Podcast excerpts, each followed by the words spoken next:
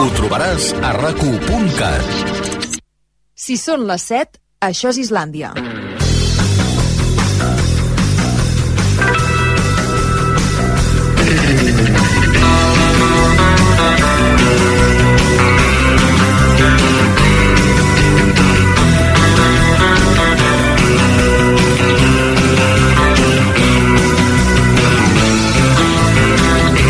Islàndia, amb Maria Xinxó. Avui a Islàndia...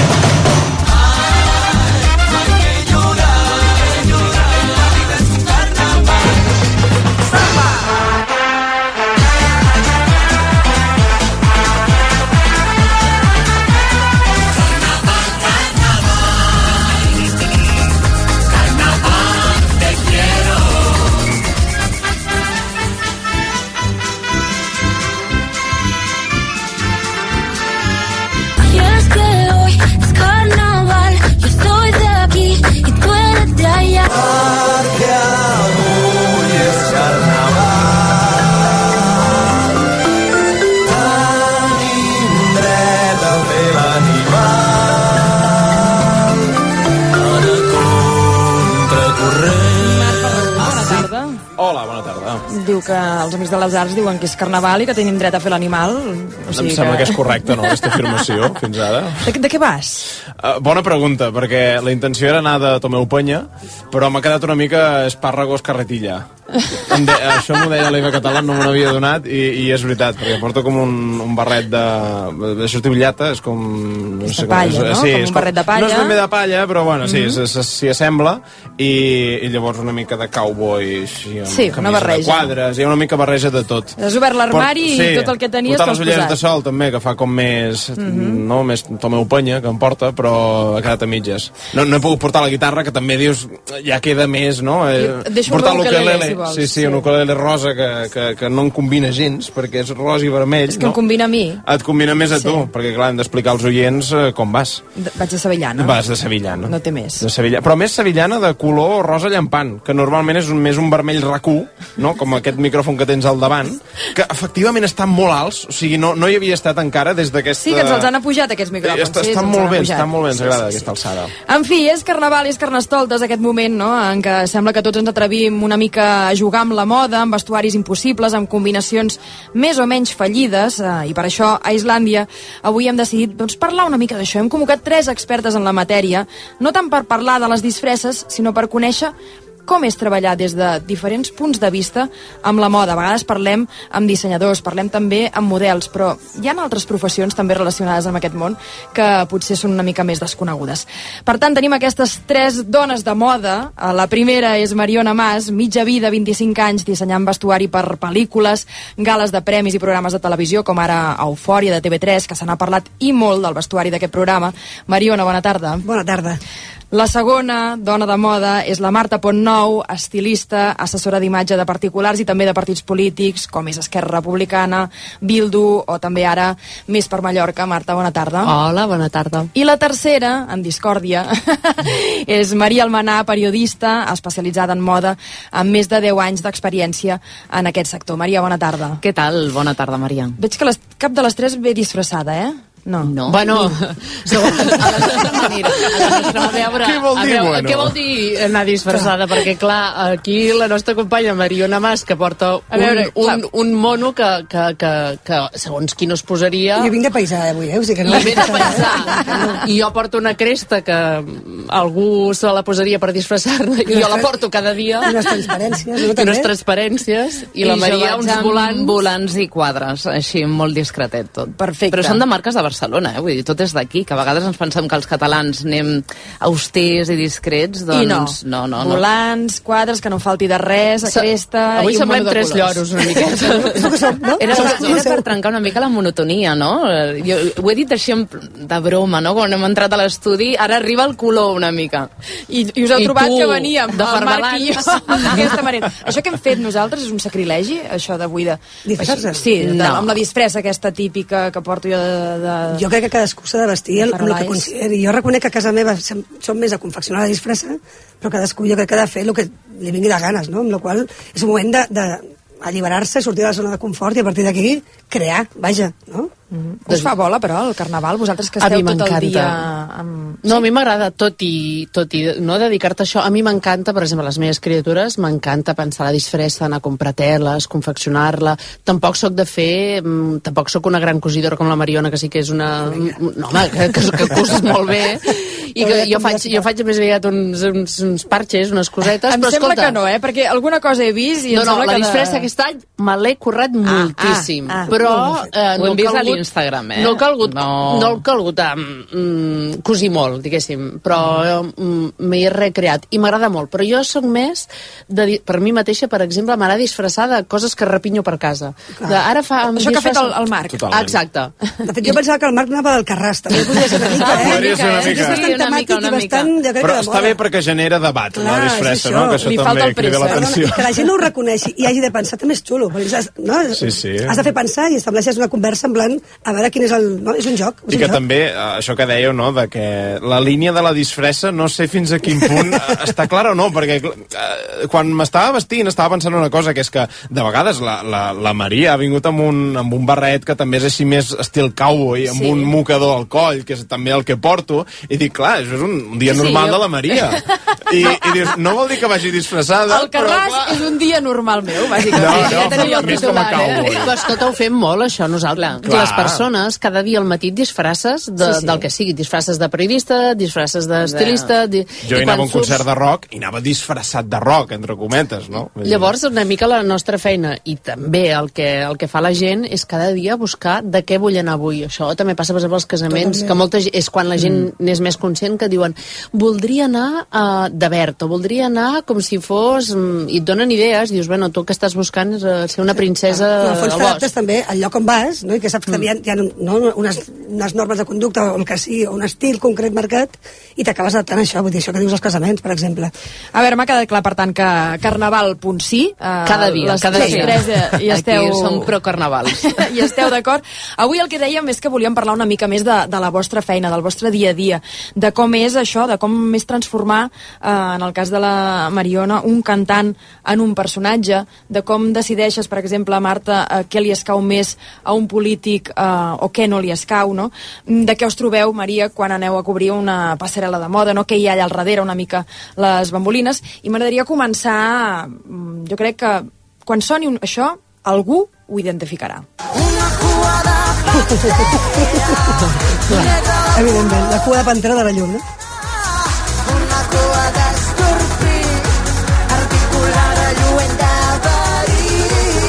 veure, Mariona, que has saltat de seguida, situem-nos. Uh, això, pels fans d'Eufòria, segur que ja també ho han localitzat. Pels que Correcte. no ho han vist, què ens hem d'imaginar? Què és això que està sonant i què implicava a nivell de vestuari? De fet, això era un número musical de l'Eufòria, crec, crec recordar que tinc memòria fatal, que era la segona gala, amb la llum, i aquí ens demanaven, penseu que les posats en escena, les reunions de posar en escena seria un gran debat, o sigui, seria molt interessant poder-les eh, compartir, són molt divertides, i és un brainstorming, no? és una pluja d'idees a veure què volem fer. En aquí, a mi em van demanar una cua de 7 metres, 7 metres, clar, quan van dir 7 metres vaig pensar, de Déu senyor, dic, anem a ser conscients de, tenim 3 dies per fer cada una de les posades en escenes, I pressupost alt? no. Pressupost molt baixet, també. bueno, mm, justet, clar, 7 metres, només amb tela, pensaves que només amb tela no m'arriba. I vaig pensar, què fem, què fem? I a partir d'aquí vaig començar a pensar en materials ràpids de, de fer, vaig pensar en plàstic, i com que, a més a més, ella treballa molt, o sigui, la, la, la cançó és de La Ruïnosa, del Super 3, i la ruïnosa era molt antisistema en el seu moment, per antipells, etc. i vaig pensar, adaptat ara seria el plàstic. Per tant, si treballés molt en plàstic està molt anti el que considerem ara tots que és correcte. I a partir d'aquí vam fer una cua de 7 metres de bosses escombraries gegants que va ser una bogeria. I evidentment ho va patar moltíssim perquè va ser molt visual i va funcionar molt bé. I després al Palau Sant Jordi la vam haver de- duplicar per dos i va de ser 14 metres de cua meravelloses que també vull dir que va ser una feinada bastant important sí, sí. Clar, i això, per exemple, eh, no sé si en algun moment se t'ha trencat alguna cosa al mig de l'escenari, perquè clar, bosses d'escombraria eh, no em sembla que hagin de tenir allò una rigidesa com De per fet, aguantar... La, la cua va començar d'una manera i va acabar d'una altra, diguéssim. Tenia vida pròpia, la cua. De fet, vam començar fent-la per la llum. També penseu que els assajos que fem passen tres o quatre vegades ràpid amb els ballarins, que a més, la cua havia de circular per terra, o sigui, havia de lliscar. d'aquí, l'Albert Sala es va emocionar, va dir que surtin els ballarins sota, que la belluguin, que les sacsegin. Clar, jo anava patint, dic, no, no, no estireu, no estireu. Evidentment es va trencar. I doncs per la nit la vam arreglar, i després pel middle show que vam fer amb el Lil Dami, que més el Lil Dami sortia corrent És veritat que ell també se la va posar. correcte. Sí, sí, sí. Allà es va tornar a estripar la, la cua, vinga, fantasia. I doncs, clar, evidentment, la cinta americana anava com a loques. I doncs, el dalt era bonic, el de baix pues, era una mica folclòric, la cua. I després pel Palau Sant Jordi ja de fet, vam haver de treballar un a un pavelló esportiu per poder extendre la cua, que si no ens hi cabia. O sigui, el local en sortia per la porta.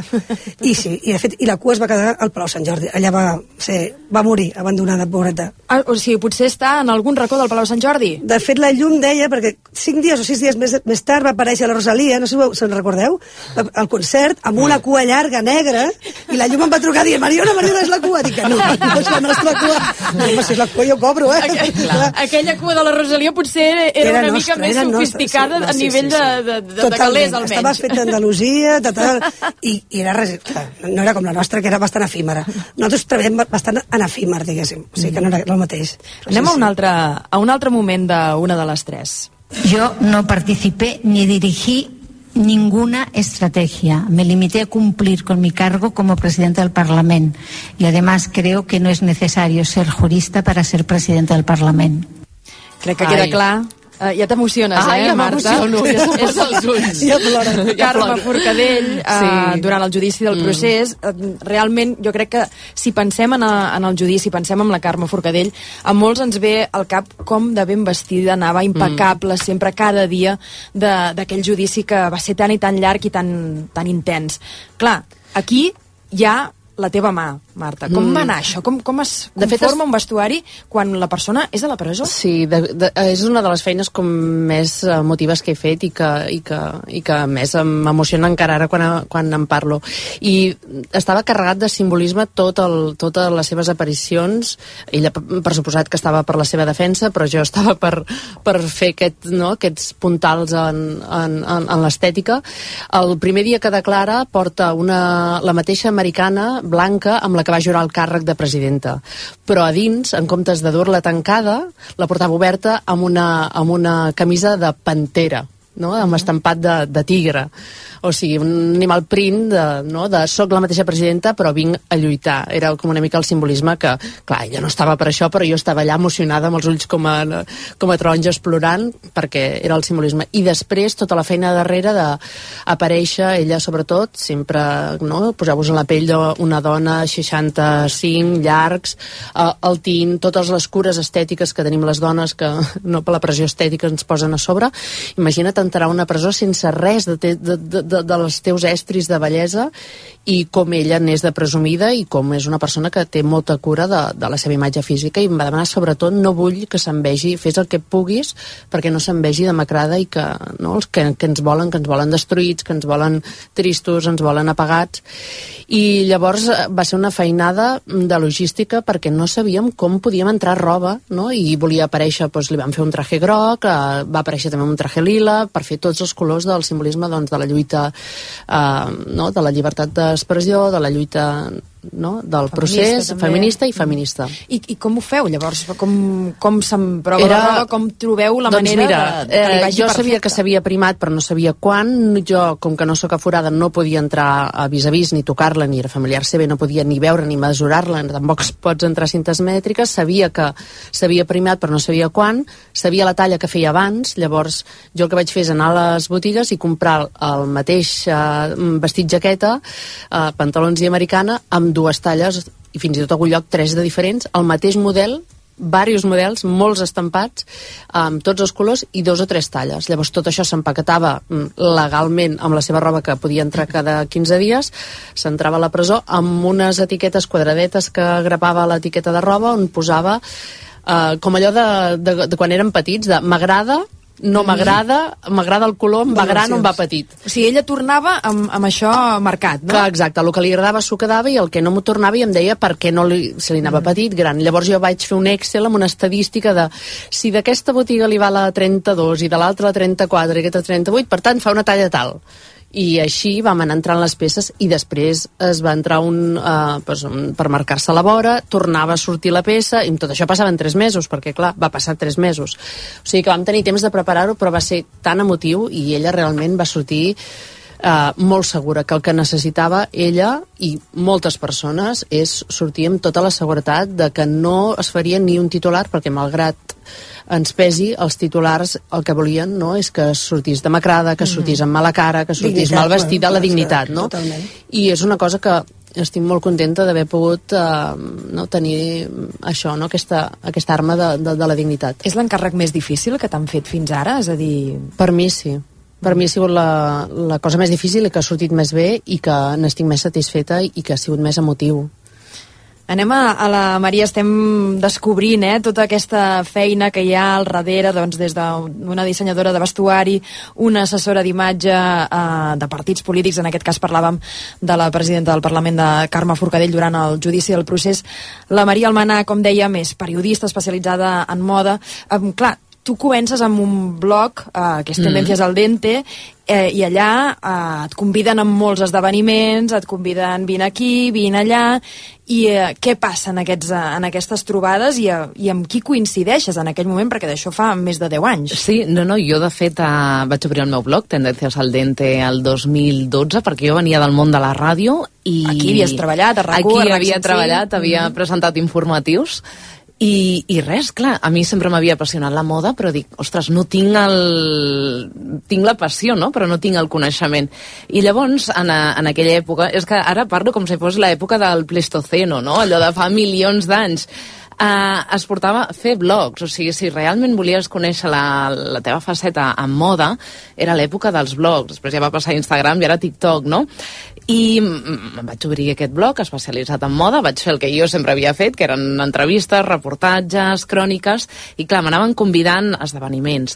I me'n recordo dels primers que m'havien convidat, clar, això de periodistes que tinguessin blog era com una mica estrany, no? Perquè o hi havia els periodistes o hi havia el que llavors sortia en aquell moment, el 2012, 2013, 2014, les influencers, que encara no se sabia no massa bé. pas així en aquell moment, no? no? Eren no, no, bloguers, era, no? Sí, bloggers, sí. sí, llavors es deien bloggers. Sí. I me'n recordo que en un dels primers esdeveniments doncs vaig uh, coincidir, em van posar en el mateix sac amb la Dulceida que clar, en aquella època la Dulceida no, no, No és tenia el... 3,2 milions de seguidors Evidentment, no li havien fet reportatges, no desfilava per Andrés Sardà, ni tampoc protagonitzava catifes vermelles del Goya, des Goya, no?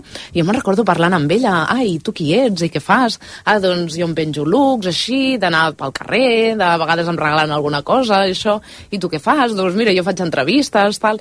Vull dir que va ser com molt curiós, no?, de, de doncs mira, a partir del blog, a poder parlar amb una Dulceida que encara no, entre cometes, no era ningú, era aquella noia que, de, de, del barri que, que se'n provava looks. O, per exemple, amb una d'aquestes quedades també vaig tenir l'oportunitat de poder parlar amb l'Estela McCartney. I clar, jo ho deia, de... Però és dissenyadora Estela McCartney. La, eh, la dissenyadora. Aquí I clar, totes sabeu qui és, però potser hi ha... l'Estela. L'Estela. Ah, mira, portes unes sabates de, de, de, sabates de la No, ella tota, di, ella De tota senzilla, tota senzilla, que bé... La pell vegana. I ens oferien, eh, doncs, entre cometes, a les bloggers poder eh, parlar amb l'Estela. I dic, no, no, jo els vaig dir, jo no vull parlar, jo li vull fer una entrevista directament. Ah, sí, pel blog? Ah, sí, sí, pel blog. I pensant, clar, en aquella època tampoc estava com entremig de, de, de sortint dels mitjans, de fer-me el blog, després sí que més endavant ja vaig tornar als mitjans com a periodista especialitzada en moda, no? Però és curiós com en aquella època els blogs tenien tanta, tanta tirada i enganxaven tant, doncs com ara podria ser equiparable això a, a Instagram o a, A TikTok, o a ara ja em TikTok. sembla, que ja, ja Instagram ja cada jo, vegada... jo recordo aquest moment, perdó, que el 080, jo recordo anar al Sí. 080, primer els estilistes estàvem al front row, Sí. perquè realment, i de sobte van començar a aparèixer aquest tipus de... No? Clar, I ens no, vam no, anar va- com a relegats, sí. sí. de sobte deies, però qui, qui són? I evidentment... O els tingut- periodistes, fins i tot, que, que cobrien per mitjans de perdoneu. total. No, Sí. jo a vegades m'he trobat perquè, eh, val a dir que, bueno, cobreixo cada any la, les desfilades del 080, doncs en aquest cas pel diari Ara, he estat a dins i fora, i que molts cops has de defensar amb les urpes Totalment. el teu lloc. Sí, sí. De, a veure, veieu aquí un cartellet i posa Maria Almenar. Vull Correcte. dir, és per alguna cosa, perquè la que fas tard ja te l'ha pres algú altre. I és, i, i és que t'anava... Que podria ser jo. que soc jo la que arribo, que arribo com si fos uh, algú, llavors faig, oh, entro jo. L'actitud, és un que tema d'actitud, és escolta. l'actitud, perquè Ha sempre d'arribar vaig amb la puntual, tu, ben alta, llavors no, però jo deia sobretot a nivell Sí, generacional, que de repente salten i deies, Sí. ostres, no? Abans ens contactaven els estris de televisió Clar. perquè donessin visibilitat ja no dona visibilitat. La donava realment als blogs. I ara ja Els TikTok, blogs, ara ja Les xarxes socials us han ajudat o us contaminen a la vostra feina? Què, què diríeu? Més a favor o més en contra? Jo crec que en el meu cas a mi m'acompanyen Mm, i prou, Sí. o sigui, jo crec que m'acompanyen tampoc no penjo jo cap gluc que sigui fora de sèrie, jo crec que acompanyen a la meva feina, o sigui, només és de dir ah sí, sí que treballa aquesta noia, mira mira, mira què he penjat, mira on és ara Jo, jo, jo reconec que a mi ajudat-me amb feina, no? Perquè a mi que em contracta no té res a veure amb xarxes socials, no. diguéssim, però igual que la, que, que la Pont Nou. Jo reconec que, de fet, jo les tinc molt personals, diguéssim. Jo penjo mm. el meu dia a dia i qui s'ho vulgui mirar s'ho mira, qui no. I si acabes penjant feina perquè és part de la teva vida i quan la vius amb passió, és que bueno, estic més, dia, més al dia a dia a la feina quasi que a casa, però no, no m'ajuda, diguéssim, en accés. A mi sí que m'ha ajudat, perquè a vegades doncs, és evident que molta gent et coneix per la teva feina de periodista, però dius, ostres, la Maria com a Maria també té el seu món i les seves històries, i a vegades doncs, et contacten de, ai, m'agradaria regalar-te alguna... Perquè sí, és veritat, o sigui, eh, doncs a vegades et fan un regal, una marca o alguna cosa, o m'agradaria que vinguessis en aquest esdeveniment mm -hmm. o l'altre, o simplement et diuen, ostres, no coneixia l'altra Maria que va més enllà del reportatge o de... Tu, tu és cert, però, Marta, que vas Ai. començar... Eh, és a dir, vas canviar una mica la teva professió i vas especialitzar-te més en assessora d'imatge arran de crítiques que feies a Twitter? Això com va anar? de, de llengua llarga, sí. Sempre m'ha anat una mica regolint el tema de, de, de, de rajar, però en aquest cas em va anar El bé. tema de rajar no el t'ha anat regulint, és la contenció, no? Sí, sí, sí, sí. sí. Sí, vaig començar a fer com comentaris eh, parlant de les eleccions, del looks de les eleccions, que, de, que en cada cop, bueno, va haver una època que teníem moltes eleccions, llavors els anava, les anava comentant un, a Twitter i sí que arran d'això em va sortir, bueno, com que ja feia televisió i feia coses de tele i tal, i em va sortir un, bueno, fer un, eh, conèixer, doncs, diguéssim, un partit i llavors eh, vaig poder fer un informe explicant eh, el que em semblava a mi l'estil del si et van partit dir, en si. si tant en saps, si tant critiques, Ah, fes, Sí. I va- ara fes un informe real dient Ah, exacte. què hem de fer, què hem de I, canviar. I vaig dir, però, però puc dir el que penso realment? amb, les, amb el meu llenguatge, vaig dir, sí, sí, sí. sí. I dir tot? no, no I sabien el que Va feien. quedar eh? algú al Va tinter? quedar algú. Sempre I vaig, alguna vaig, cosa per vaig quedar endavant, com ben, ben a gust i, i, i, i va anar bé, diguéssim. I et van fer cas? Uh, bastant, sí, em van fer bastant cas i després, doncs, mira, s'ha anat uh, fent com una mica taca d'oli, i... però sí, em va anar bé i al final és el que em funciona a mi, dir les coses tal com ragen. Que tants problemes que m'havia portat uh, anys, anys, anys abans i en canvi, al final dir el que em sembla um, serveix. La gent al final no vol que... que No vol que, que els, hi- Sí, no vol que els hi diguis, ah, que em queda bé això, ai, doncs sí, et queda molt bé. No, vol l'amiga que et diu, nena, treu-te això que et queda fatal. Els topos... Jo no, jo no puc silenciar. em queda bé, No, li, que, que sí que no li queden bé? No, bueno, era, era un dia, era un dia, era un dia. Ara fareu, ara fareu una enquesta, a veure si em queden bé Topos sí, topos no. No em queden bé els topos. Anem a un altre moment de les carreres de- d'aquestes tres dones de moda. Amb tots vostès, Aina Clotet i Úrsula Corberó. M'estàs fent una broma? No. Escolta, em podries haver trucat per dir-me que portaves el mateix vestit que jo, no? És que no ens coneixíem. Molt bé, doncs...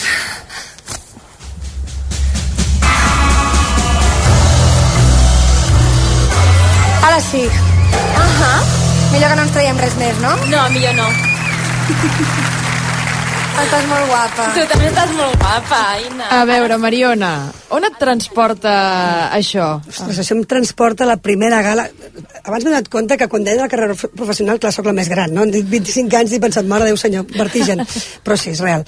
Um, em recorda, doncs em, em transporta el primer any que vaig fer els primers Premis Gaudí, que eren els cinquets, crec recordar. Mm -hmm. Perquè tu t'encarregues de, del vestuari, diguem, de Aquella la va ser la primera gala. vegada, i a mi allà m'ho va encarregar eh, la, la Rosa Lucha, que era, que era la directora en aquest moment de la gala per part del, del Terrat, de, de, mm Terrat de l'Andreu Buenafuente. Presentava l'Andreu Buenafuente, aquella gala. Exacte, i aquí m'encarrega ella fer l'estilisme. De fet, l'encàrrec va ser donar glamour als Premis Gaudí i aconseguir que la gent vingués vestida de gala.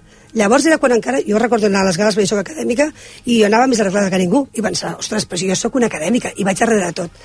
I l'encàrrec va ser que tothom que pugi lliure un premi vagi de gala. I de gala vol dir llarg. I llavors a mi quan em trucaven, trucava tothom i deia, ha de ser llarg, ser curt, dic no, ara ja, ja flexibilitzem una mica la cosa Mm -hmm. I costat, ja diem, eh, Mariona? ens ha costat, moltíssim. Ha ha costat, és molt. que ens costa als les catalanes... Aquí costa, de fet, el discurs, jo a vegades quan truco a un o a l'altre dic, a veure, tu com vas en casament? Tu vas amb taxar? No, però bueno, però aquí dius, no, no, sí, de llarg, de gala, un smoking, el que vulguis, actitud, el que vulguis. Però, ostres, anem, a, no? anem a lo màxim que tenim de catifa vermella a Catalunya. Fem-ho bé. I en aquest cas, aquest gag concret era un gag de l'entrega del millor eh, vestuari. Mm -hmm. De l'Aina Clotet i l'Úrsula Corberó, que eren les que donaven a, a aquest gaudí. I llavors, clar, com que som molt creatius, però en aquest moment també, eh, havien de... Van dir, home, el gag seria que entressin les dues vestides igual i a mesura que es anessin estripant el vestit, però que sigui digne, que no, repente no quedin com Vilma Picapiedra, no? que no quedin despullades allò vermells. I llavors, clar, que fàcil, que maco, perquè també els pressupostos semblen molt generosos i no ho són, perquè treballem en sessions, que vol dir que dissenyadors col·laboren de forma gratuïta per tindre visibilitat. Mm -hmm. Vaig anar picant porta per tots els creadors de Catalunya i al final... Eh... Poden donar dos vestits que els pugui mm, trencar Clar, i que es converteixin era... en dos vestits diferents? Total, que jo, jo ho entenc, eh? però al final diuen, bueno, primer, a qui vesteixes, clar, evidentment, i segona, què en faràs d'aquest vestit, no? I ens acabem explicant això i al final va haver una marca que es va brindar a dissenyar el vestit de zero i que, a més a més, fos trencable i recuperable per fer un parell d'assajos, perquè també a vegades dius, estripo, bueno, bueno, que ja torna a recuperar.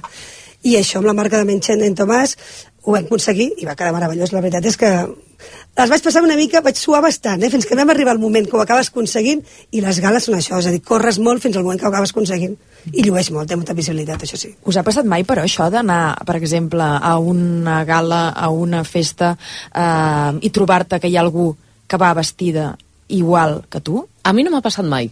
La veritat és que no he tingut l'experiència de... No? Mentida, a mi jo, jo no recordo, no, no, jo, no, jo, no. jo als 18 anys, és veritat que vaig anar amb, un tra... sí, amb una posada llarg als 18 anys, no amb una gala, i anava amb un americà i un pantaló curt daurat i hi havia una noia platejada, que vaig pensar, tocat. I anava no, molt no maca, igual, sí. ja, ja és un... Totalment, sí, sí. Bueno, era una mica un punt diferent, però pensava, ostres... Però és curiós, no sé si us ha passat a vosaltres, que en l'època adolescent que volíem ser iguals que les més populars o que si s'estilaven els lois anàvem bueno, tots en el meu cas lois. no, perquè jo, jo com que feia, jo com doncs que feia jo sí, un metre més que tota la resta de canalla i un metre d'ample més que la resta o dos, sí. o dos, o dos sí, sí. i els hi treies un sí, cap. els hi treia un cap, els hi treia tot o sigui, jo ja també no podia, era la no... miércoles, sí, la, jo no volia anar igual a ningú. Jo vaig haver de fer la comunió amb sabates de núvia només et dic això. És veritat. Jo vaig fer amb bermudes de color verd i samarreta de color verd. Els meus pares són molt moderns. Són molt moderns, són molt jo, no, jo vaig anar clàssica amb el, amb el sí, sí. vestit de, I amb sabates de, de, senyora gran. I anant Victòria. D'on es ve aquesta passió per la moda? Doncs mira, jo, per exemple, és curiós, eh? De les meves dues àvies, l'abuelita la, i l'abuela, les diferenciava així, perquè l'abuelita, per exemple, doncs era una senyora de casa bé, elegant, molt presumida, té, tenia a l'armari doncs, uh, joies vintage dels viatges que feia, uh, bueno, tenia meravelles, és que quan me les ensenyava a vegades quedava amb ella. Va Maria, avui t'ensenyaré d'un viatge que vaig fer doncs a, a Hong Kong. I, I trobaves tresors? No, no, tresors, que són unes pulseres de jade uns anells de... bueno, fantàstic, saps? a més ho tenia ben embolicadet amb un ordre militar, Molt tot ben ficat sí, sí. ens ha tocat lo meu no és tan sí, poètic. no, no, no, lo meu no és tan poètic. En canvi l'abuela era totalment al contrari. Si una doncs era una senyora de bé molt presumida i, i, i doncs que tenia experiència i li agradava molt la moda, l'abuela era d'origen humil, eh, doncs havia treballat al camp o una fàbrica, però després va ser modista. I l'abuela em va ensenyar doncs, a cosir, fèiem vestits amb les nines, fèiem vestits també, a vegades li deia abuela, em vull disfressar de... Jo vaig tenir als 16 anys una etapa gòtica i li vaig dir que em fes un corser de, de pell, clar. Carai, tu. L'abuela va... La meva abuela, tu. L'abuela que va dir, què vol la meva neta? I, I, i fàcil, també, perquè un corset, realment, el patronatge, sí, clar, clar, eh? no? I jo el compro és fet, aquell eh? Jo customitzo. Jo. A casa d'Herrero? Jo no, jo el meu no és tan poètic, ni molt menys. Podria dir, sí, no, la meva era modista, i clar, no, no, no, no. Jo, jo vaig... Jo de mi mateixa, tu. O sigui, jo vaig sortir de mi mateixa... Tu ja ho vas tenir clar des d'un inici. No, per, jo venia d'un- d'un- d'una història més merda, que jo venia d'un bullying. jo venia d'un bullying d'adolescència, ara us faré, us faré plorar. Jo venia d'un bullying d'adolescència i vaig dir, mira, Uh, jo no seré la més guapa d'un lloc quan entri, perquè no Oh, seré sí? mai. Bueno, espera't, un moment. Deixa'm acabar, deixa'm acabar, deixa'm acabar, deixa'm acabar. Acabarem, eh? Vaig dir, jo no seré la, No acabarem, no, no la més guapa, però seré la que més em vegi. I llavors em vaig proposar que allà on arribés jo seria la més espectacular. No seria la més guapa, no ho seré mai, no seré la més guapa, no seré la més prima, no seré la més estupenda, però, Busca alguna, però alguna seré cosa. el més lloro de tots i tothom i tothom es fixarà en mi. Saps allò de nunca, molt com no, el, el que el viento se llevó de mai més tornaré a patir A bullying, desapercebuda. patir- mai més passaré desapercebuda. Seré el lloro de Catalunya. I, Desig complert, eh? i exacte. Sí, no passa gens desapercebuda. I això. Jo recordo que des de petita, soc la típica que a classe estava dibuixant tot el rato i per això vaig fer la carrera de moda, vull dir que eh, anava encaminadíssima, vull dir que era un camí... A veure, són dos quarts de, de vuit i no hem parlat encara pràcticament... De res. No, no de, de res. Som lloros, eh? Sí. Res, una, un estuari. Una pregunta més, en el cas, per exemple, de, de, de la Marta. Els polítics fan cas o no fan cas? Ai, mare. Uh, ma- tinc de tot. És com la canalla de l'escola. O sigui, tinc de tot. Tinc de tot. Hi ha de tot, al món polític. I t'has trobat amb situacions de dir mm, aquest polític ara mateix necessitaria una corbata i no en té, o aquest polític ara mateix em va, em va en corbata i necessitaria una dessuadora? Uh, Això ha passat? Mira, uh, m'ha passat a un conseller que no tenia corbata i haver-li de robar, córrer, córrer, córrer per la foto amb un conserge, mm Mhm. -hmm. vas dir, conserge, vine aquí, la corbata. Que Ara te la torno. Conseller, ara te la torno. I de dir, pot anar una corbata? Sí, ja la porto. Dir, I el pobre conserge, amagat darrere una columna, que no el vegués ningú perquè anava sense corbata. I l'acabo de comprar aquí mateix, aquí sota, sota Palau. I després em va passar d'un polític que no té eh, dessuadores a casa i estaven fent fotografies de campanya electoral d'aquestes 50.000 que s'han fet durant eh, aquests últims 5 anys, que se n'han fet 12 o 15 o no sé quantes campanyes electorals i no tenia una dessuadora i a l'armari de casa seva. Pues ho trobo normal. Però Un teniu polígraf. pres... Jo pensava que hi havia pressupost per fer aquestes campanyes. No. I llavors uh, vaig dir... Però es pot saber quin polític és o no? Això, això, vinga. Escolta. Quin polític Vinga, no va. té cap dessuadora a l'armari? No té, una, des- no té dessuadora amb caputxa, que és el que buscàvem en Ah, aquell moment. No té dessuadora. Ah, home, no i té dessuadora. taronja, no? No té dessuadora. la taronja suposo que no, Poca broma, que no. president aragonès no té una dessuadora, no té dessuadora. Estem parlant del president aragonès. I tinc, llavors, eh? com que era com... I a més a més havia nevat... Era, us en recordeu febrer del 2021, aquella nevada que va caure a tot Catalunya i doncs s'havien de fer les fotografies. Aquell dia, no hi havia res ni per anar a buscar, a comprar, ni cadenes ni res, i jo duia una dessuadora i es van... i es van fer les fotografies amb la meva dessuadora de caputxa gris. Buscaré la que foto unes perquè fotografies que amb caputxa va ser molt divertit. no van sortir mai Posada. aquestes fotografies perquè realment té raó, el president té raó que no li queden bé les, dessuadores perquè, perquè que no li queden bé, doncs té raó i allà li vaig dir, doncs tens raó Poder la que no li queda bé és la teva. Però vaja. Bueno, era una dessuadora gris de caputxa mm, random de, de bàsica. Ai, escolta'm, Mariona Mas, Marta Pontnou, Maria Almenà, moltíssimes gràcies per haver vingut avui, que amb l'excusa del Carnaval, que ens ha fet il·lusió conèixer una mica més de primera mà tota aquesta feina que feu relacionada amb el món de la moda. Per tant, moltíssimes gràcies a tots els tres per haver vingut. Gràcies. Moltes gràcies. gràcies. Moltes gràcies. Fem una pausa i ara tornem. Islàndia, amb Maria Xinxó. Com menys et costa aquest gest, menys li costa al planeta. Amb Aquària, l'aerotèrmia de Panasonic, estalvies en calefacció, aigua calenta i refrigeració, i li estalvies al planeta. Ara, amb servei de manteniment anual. Aquària de Panasonic, la teva llar estalvia. El planeta, també. Els vostres alumnes de primària són creatius? Coneixen bé Catalunya? Participeu en el concurs organitzat per Cruïlla Pluja d'Idees fent un cartell o un vídeo amb el més destacat de la vostra localitat. Cruïlla premiarà una escola per província i un Premi Especial Catalunya. 3.000 euros de premi per l'escola. Consulteu les bases al web cruïllacertamenplujadidees.cat Només els més ràpids podran aconseguir ofertes increïbles durant un temps limitat. Com per exemple un 15% de descompte addicional en electrodomèstics de marques com ara Dyson, Bosch, Samsung, Philips i moltes més. Així són les ofertes límit. Només fins al 19 de febrer al Corte Inglés. Les teves compres a la botiga web i app. Vols deixar de pensar en quina hora poses una rentadora o un rentaplats? Il·lumina la teva factura de la llum amb plaques solars de Solideo i independitza't dels de sempre. Ho has de fer. El seu currículum està força bé, però l'anglès com el porta? Perquè somriu? Als cursos d'idiomes a l'estranger de Rosa dels Vents no només aprendran anglès, sinó que viuran una experiència única que mai oblidaran. Rosa dels Vents, cuidant el que més estimes des del 1976. Ha arribat el dia! S'han acabat les esperes! Senyores i senyors, benvinguts a l'època de la immediatesa! Ei, que som al 2023! Emporta't ara el Suzuki S-Cross amb etiqueta Eco, tracció 4x4, càmera 360, últims sistemes de seguretat avançada i entrega immediata! Sí, sí, immediata! Nou Suzuki S-Cross. RAC, RAC, Informació, actualitat, esports, entreteniment, al mòbil, a la tauleta, en podcast, en aplicació, en ràdio, RAC1. Tots som un. Amb la col·laboració del Departament de la Presidència de la Generalitat de Catalunya. Islàndia, amb Maria Xinxó. Passen 5 minuts a dos quarts de vuit.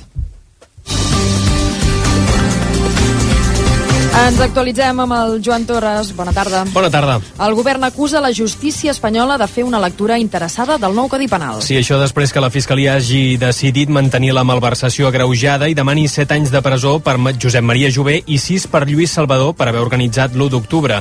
A Jové el considera un dels màxims responsables de la votació, mentre que Salvador el descriu com l'arquitecte del que havia de ser la hisenda del nou estat català. El president Pere Aragonès ho ha qualificat de nou capítol de reparació contra l'independentisme. Coneixem la voluntat de venjança d'una part de la judicatura espanyola i, per tant, eh, doncs, eh, no hi ha sorpresa, però sí que, evidentment, doncs, eh, constatem que eh, l'evolució doncs, eh, que s'està fent a nivell democràtic, a nivell social, doncs avui encara ha d'arribar a la judicatura. Tot i això, Esquerra desvincula les acusacions de la Fiscalia de la reforma del Codi Penal que ha pactat amb el PSOE. La posició del govern espanyol, en canvi, és ben diferent. La Moncloa reitera que la decisió del Ministeri Públic demostra un cop més que mai ha intentat afavorir l'independentisme català. I el govern es compromet a aplicar immediatament mesures per reduir les plagues de conills de Lleida. Si poca estona després que 400 tractors hagin protestat contra la inacció del govern en aquest àmbit, el Departament d'Acció Climàtica ha presentat aquesta tarda un paquet de propostes que se centren bàsicament en la caça en massa d'aquests animals per reduir-ne la població a Lleida en un 35%, aproximadament 285.000 exemplars. Es farà creant nous equips de caça i instal·lant una setantena de vedats. Els agricultors denuncien que fins ara la Generalitat no ha actuat i que les plagues de conills afecten 30.000 hectàrees. Ha fet una mar... Han fet una marxa lenta, com dèiem, amb tractors des de Mollerussa, al Pla d'Urgell, fins a les Borges Blanques, a les Garrigues. I d'aquí poca estona, a dos quarts de nou, es presenta a la Berlinale Matria, la primera producció catalana que participa aquest any al Festival de Cinema Alemany, enviada especial de RAC1 a Berlín, Maria Cusó. Així és, d'aquí poc menys d'una hora s'estrena oficialment aquí a la Berlinale Matria, aquesta pel·lícula d'Álvaro Gago, la seva primera pel·lícula basada en un curtmetratge homònim que ja va ser premiat el 2018 al Festival de Sundance. És el retrat d'una dona, la Ramona, una dona gallega que porta molts anys encadenant feines precàries per intentar tirar endavant la seva família, una història particular, però que podria ser la de tantes altres dones arreu del món, d'aquestes històries que araven tant aquí a Berlín. Com dèieu, aquesta és la primera de les cinc produccions catalanes que venen aquest any aquí al Festival Alemany. Recordem que els propers dies, entre d'altres, també es presentarà 20.000 espècies d'abejas d'Estivali Durresola. En aquest cas sí que a competició oficial i, per tant, podria optar a l'Os d'Or de Berlín. Matria es presenta aquest vespre en la secció Panorama. Veurem què passa, per tant, amb aquestes produccions catalanes que sí que es presenten a concurs oficial després de l'èxit de, del Carràs. Escolta'm, Joan... M'ha deixat una disfressa el Joel Penya. Sí. Jo no en tenia, però ha, sigut, ha, ha, bueno, ha estat petició popular Mhm. de venir aquí a l'estudi amb Mariachi. vestit de mariachi. Mariachi, Sí, sí. molt bé. Bueno. Um, Ah, està gravat. està, gravat el, el està què? documentat. Ah, a, a veure, Caral, tu de què vas? Jo vaig d'home del temps. M'he ficat una americana de quan sortia a la tele, amb camisa, que no acostumaria amb americana i camisa, llavors, de cintura en amunt, vaig d'home del temps. D'home del temps assegut, perquè de cintura en avall vaig en pantalons curts, com, Com sempre. com és habitual, i amb Com uns sempre. mitjons de Nadal. Uh -huh, D'acord. No sé, clar, que- amb- la Mariona, per exemple, la Maria Almanar m'han vist i no I els, ha, no els hi ha acabat d'agradar la combinació, si més no, dels mitjons amb les sabates, però m'han comprat el conjunt, diguéssim, eh? D'acord. Eh, Xavi Puig, bona tarda. Bona tarda, no m'estranya que no els hagi agradat, perquè És re, realment horrible. A veure. Gràcies. Gràcies, Que bo, gràcies. Ha parlat de sinceritat, vull dir, és el que demanava la Mariona, el que demanaven, sinceritat, no? Doncs jo agraeixo aquesta sinceritat. Clar, però, Xavi, què ha Digue'm. passat amb la disfressa? Jo... És igual. La meva àvia sempre quan li preguntava no, no es disfressa vostè, àvia? I diu, jo sí, em vaig disfressar de, de dago. Diu, di- li deies, De dago? Diu, sí, de la merda que cago. Molt bé. Uh, Eloi Vila, bona tarda. Bona tarda. Tu també, Dago, eh? Jo, sí, exacte, jo com sempre. Per cert, puc confirmar, eh, la, el que ha explicat l'Abel, si quan s'ha Que- creuat, amb la, Que no- no creuat, amb convi- la, ah, que- creuat amb la Mariona i ell li ha preguntat què et sembla. Clar, que ens coneixem de la tele, vull dir, eh, Mariona, Tot- quant tot temps, tal. il·lusionat, eh, què et sembla, eh? Clar, què et sembla? Bé, diu, I no, no te cara... l'han aprovat. No, la resposta ha estat quedem i en parlem. Sí? Aquesta és la resposta. Uh, Joan, si vols quedar... Uh, Bueno, a veure, si seguim la festa, potser m'ho plantejo. Sí, Bueno, a sí. veure, podries amenitzar-ho una mica fent de mariachi, no? Una mica de música. Oi, Vols no, no, no, no. Ten- Tenim aquí l'ukelele de la Maria, eh? Sí. Has de tocar tu. Una mica Desafinat. de moment. No, no, no, no, no, no en sé massa Home, d'ukelele. et, et, et pega més a tu que a mi, eh, l'ukelele de color rosa, perquè hi ha un dels múltiples colors que portes que és bastant de color rosa. A veure, anem als esports o què? Com ho Som-hi, tens? som-hi.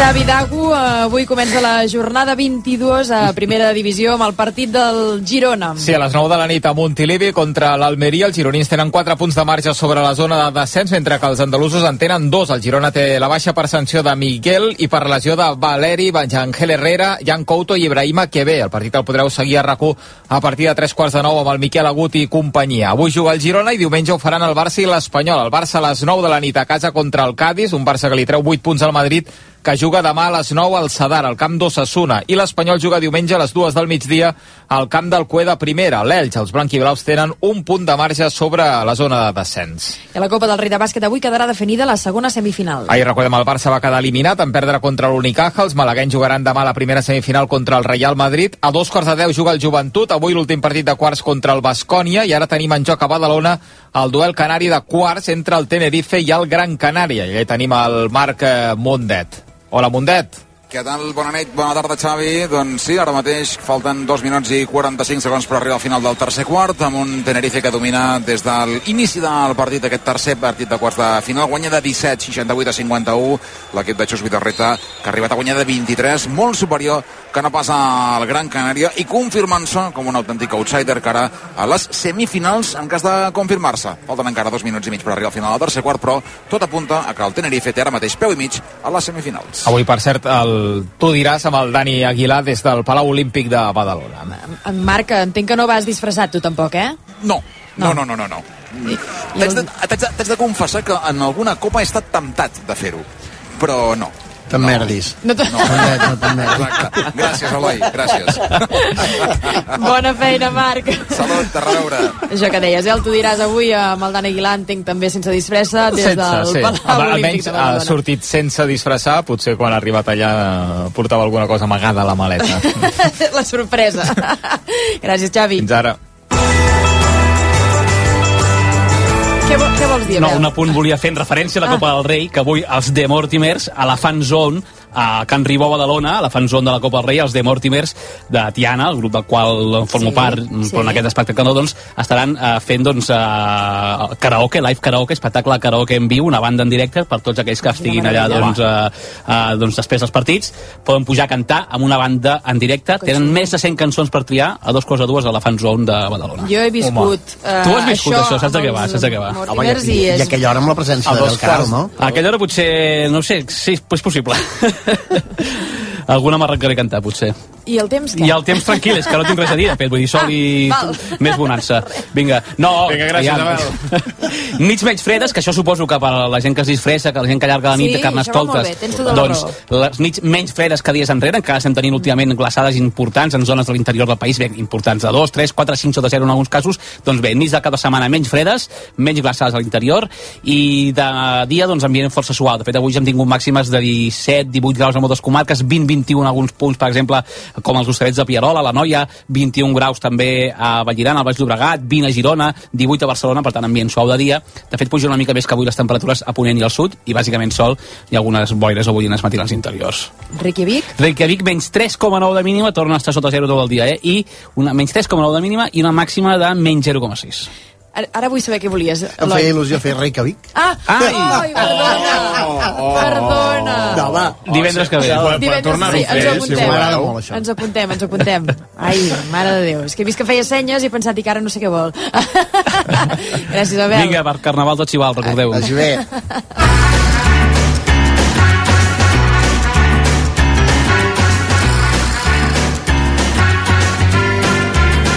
No t'he deixat donar pas a Reykjavik, però sí que ens portes a la secció. L'hem Sí. tornat a veure eh, el de cada divendres, arran d'aquests 40 anys de TV3. Sempre et fixes amb algun programa, amb, algun, amb alguna cosa històrica que ha passat a, en aquella casa i ens la fas tornar a veure. Sí, avui una sèrie que a més em va marcar molt perquè em va enganxar els anys de facultat, l'any 94 quan es va estrenar, i arribar allò a casa a dinar tard i veure la sèrie, la primera de totes les sèries de ficció de tarda de producció pròpia de TV3, el primer col·laborat, la primera telenovela.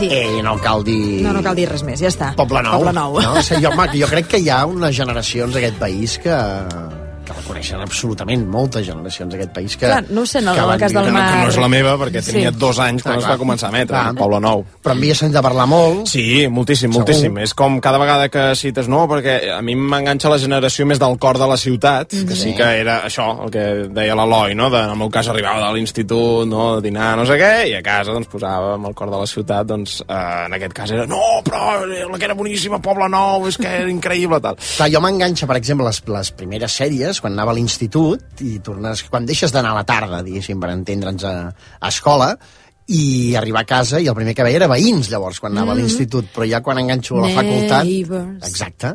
I quan arribo a la facultat, doncs és Poble Nou, i a partir d'aquí, a partir de Poble Nou, sempre hi ha hagut sèrie de producció pròpia a les tardes de TV3, per tant, fa pràcticament 30 anys, no? Si es va estrenar el 94, fa pràcticament 30 anys i tots enganxats allà. déu nhi. Anem a les dades Anem-hi. del programa? Vinga, som-hi.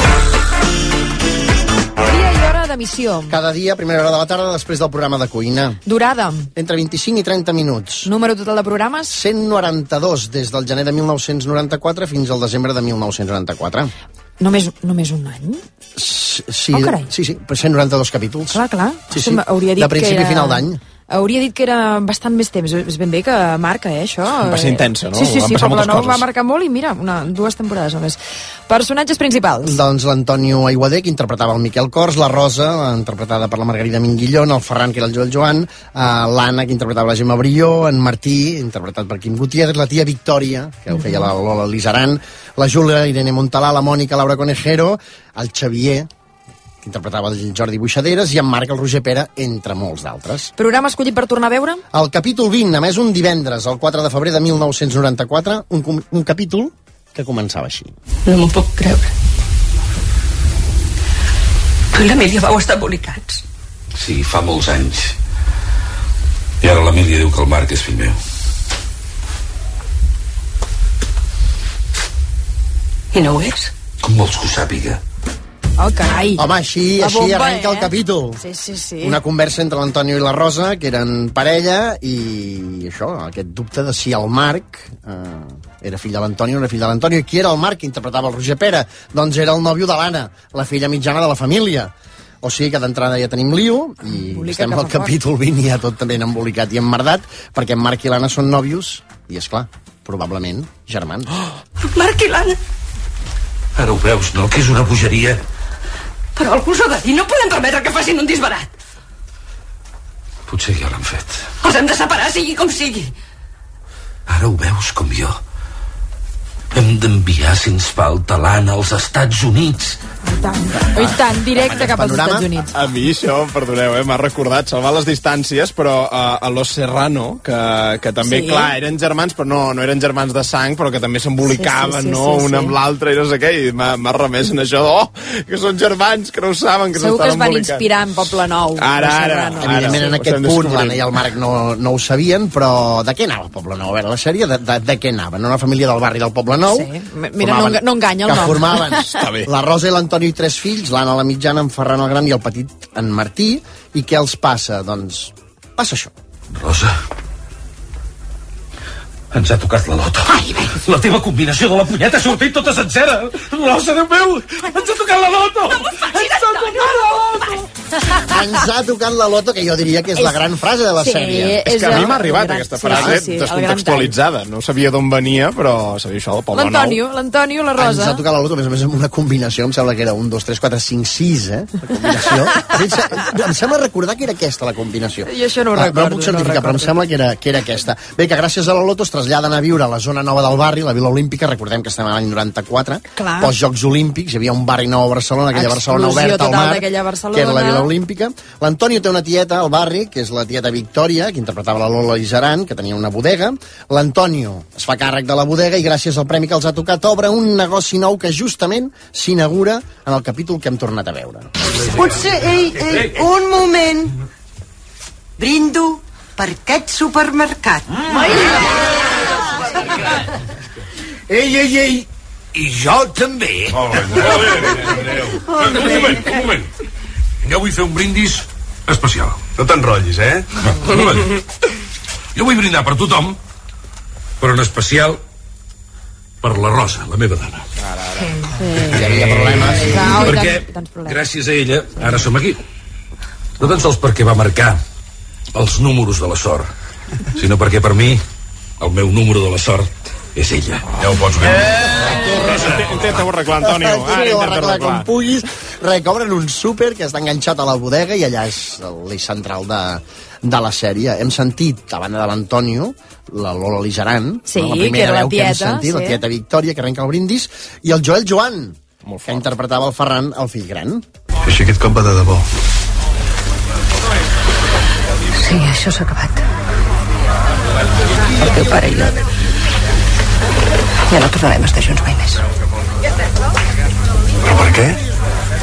Suposo que hi ha alguna raó, no? Aquest era el, el Ferran, que interpretava, com dèiem, el Joel Joan, una conversa amb la seva mare, amb la, amb la Rosa, que li explica la... Clar, en aquest cas, eh, mm, el Joel Joan potser el vam descobrir molts en, a través de, de Poble Nou. Vull dir, aquí no hi havia ni plats bruts ni, ni res de res, no? el Joel Joan, no, no hi havia plats bruts, el Joel Joan i també la Gemma Brió, que feia el paper de l'Anna, la germana mitjana. Estic farta, Helena. Estic farta. Farta de què? Doncs de, de tot. De mi mateixa, de plorar. Del meu pare.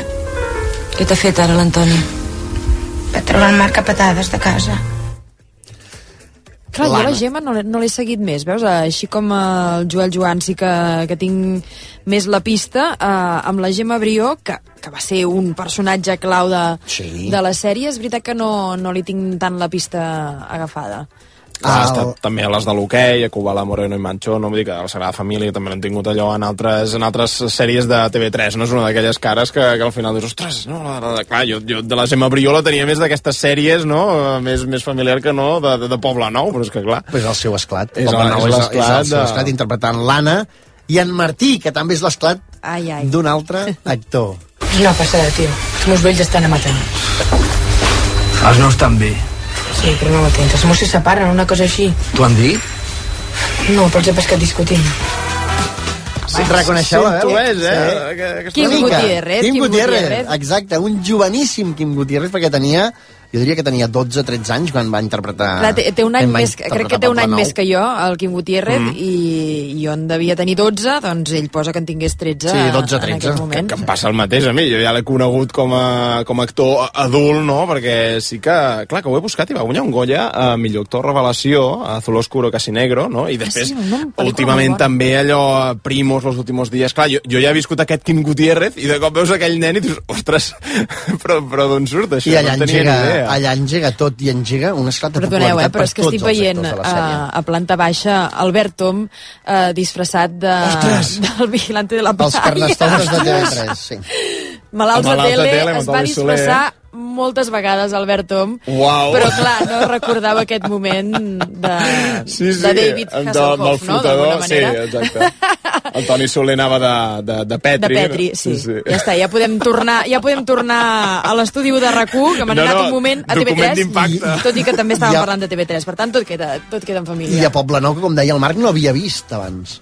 Tu no havies vist la sèrie No, no, clar, mai? jo, jo no havia vist la, la sèrie. Només t'havia arribat aquesta frase, ens ha tocat la loto, Sí, no? i, i... probablement el nom d'alguns personatges. I això, algun personatge, no sé, jo, per exemple, el Joel Joan tampoc el recordava, no? Jo l'agafo això, el que deia la Maria, una mica de, una mica de l'era ja de plats bruts, i eh, a mi m'ha cridat l'atenció, perquè és tot superdramàtic, no? Evidentment, com ha de ser una sèrie d'aquestes, no? Que emocions intenses, però els temes vistos des d'ara, a mi m'han semblat com una mica prims, segon com, no? Allò de... Em sembla, sobretot, el, el drama que hi ha per, per la separació de la parella, que sembla que, que està a punt de, de passar. Aquest és el capítol de la separació. Com, se, com ho viuen els dos de la, La parella, del però com ho viuen de la els separació. Però fills. imagineu-vos, clar, però imagina, l'any 94 Clar. Sí, sí. no era uh, la situació d'avui en dia, que és veritat que hi ha més persones no, que, que es poden...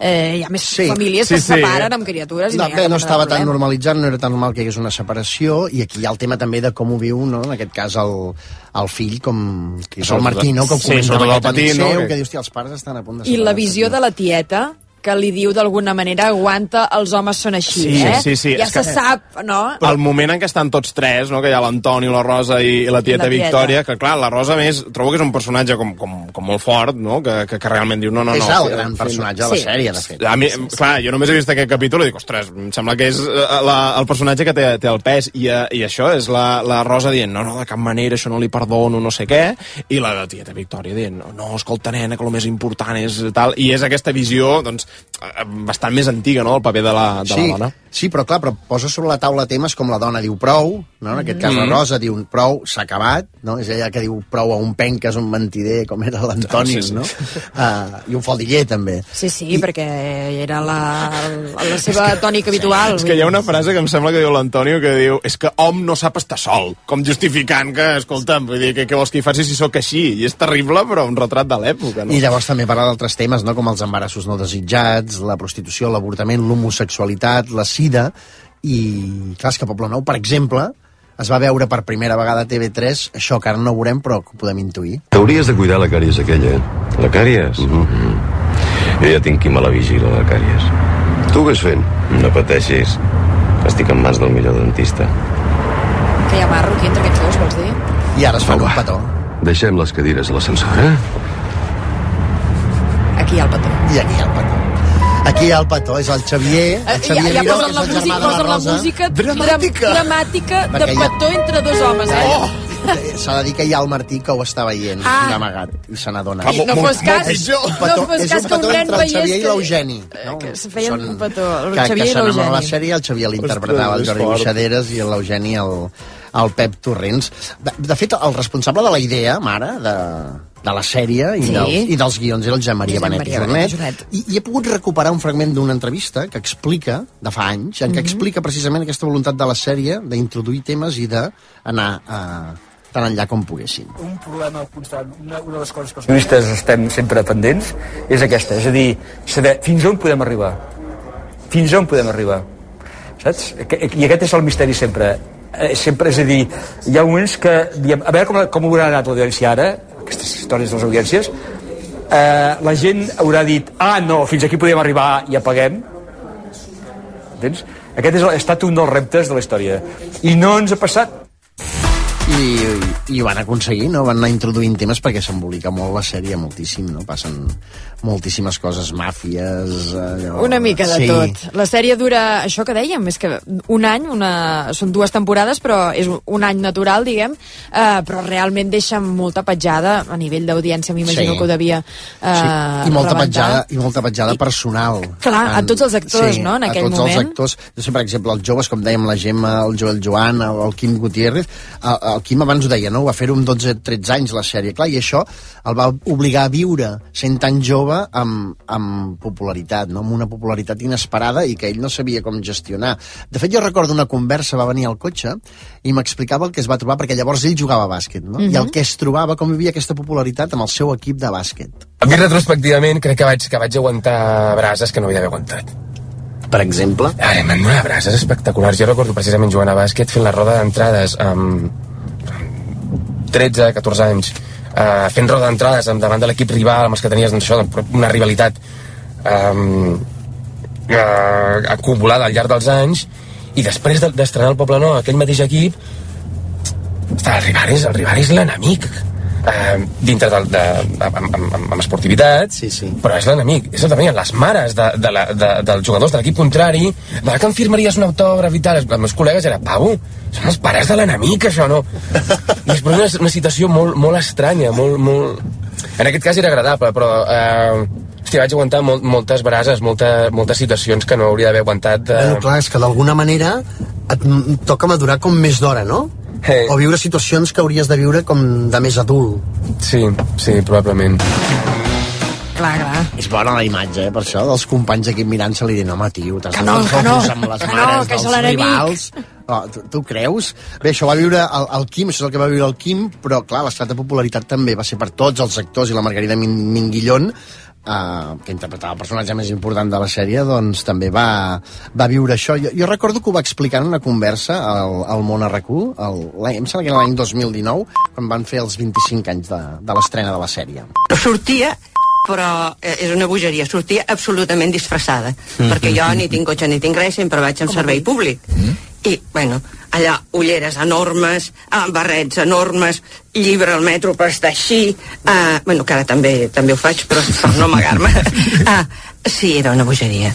I sobretot el sentiment que tenien, i sobretot les dones, era una identificació tan forta que tenien un sentiment com de propietat, Que és fatal, això. de, de jo et veig cada dia, Sí, sí. Clar, és, és molt potent això, no? El, el, que es van, el que es van trobar.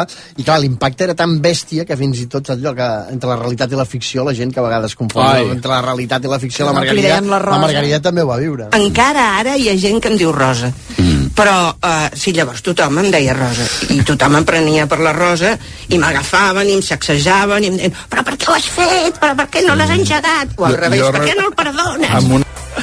Ostres, és que a veure, és, és senyora, deixi'm el braç, literalment, eh? Perquè, No. pobra...